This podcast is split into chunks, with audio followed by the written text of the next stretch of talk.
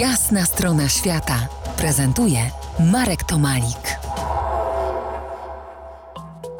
Po jasnej stronie świata Artur Owczarski, autor książki Luizjańskie Gambo.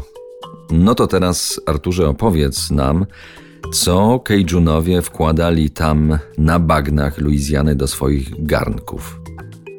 Powiem ci, co sam jadłem. Przepyszną zupę z żółwia, gulasz z raków. Mm, raki były jedzeniem biedoty i rozmawiałem bardzo długo z e, panią historyk kulinarii mm, luizjańskich i ona mi mówiła, że jak rybacy wypływali e, po ryby, to raki były efektem ubocznym i żeby jeszcze sobie dorobić, to prosili, żeby żony gdzieś tam przy drodze stały i sprzedawały te raki, podczas gdy dzisiaj to jest podstawa kuchni kejdżuńskiej. A mm, bardzo dobrym daniem kejdżuńskim jest y, pieczona kukurydza, pieczona kiełbasa, pieczone ziemniaki, pieczone krewetki, raki i to wszystko razem na jednym talerzu bardzo ostro.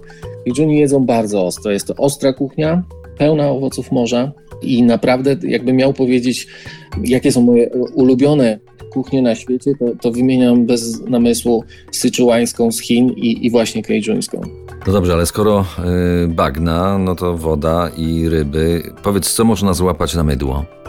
Suma. Jest takie powiedzenie, że w Luizjanie, żeby złapać rybę to, e, czy suma, właśnie wystarczy wziąć kawałek hot doga, wrzucić go na haczyk, e, otworzyć kilka piw, e, posiedzieć chwilę i, i na pewno się złapie. Ale w momencie, kiedy chcemy sobie dorobić i sprzedać te sumy do restauracji, które z przyjemnością je od nas kupią, to chcemy złowić tych sumów jak najwięcej. Co wtedy robimy? Rozciągamy w wodzie linkę, z której zwisa kilka linek, i e, zakładając takie pułapki, na, e, na haczyku musimy zostawić coś, dzięki czemu e, skusimy suma, żeby się złapał. Niemniej jednak, jeżeli postawimy tam hot doga albo cokolwiek innego, to się szybko rozpuści. Jeżeli ktoś zakłada 100 pułapek, to nie zdąży ostatniej założyć, jak już nie będzie miał przynęty na pierwszej. Więc wpadli na pomysł, że najlepszym do tego sposobem, e, co wsadzić na, e, i co wsadzić na haczyk, jest mydło marki Zote, które jest bardzo popularne w Meksyku. Jest to meksykański produkt, w 60% złożony z tłuszczu zwierzęcego, więc sumy łapią się na mydło jeden za drugim. No dobrze, mamy suma, teraz możemy go zjeść, ale do jedzenia potrzebna jest szczęka.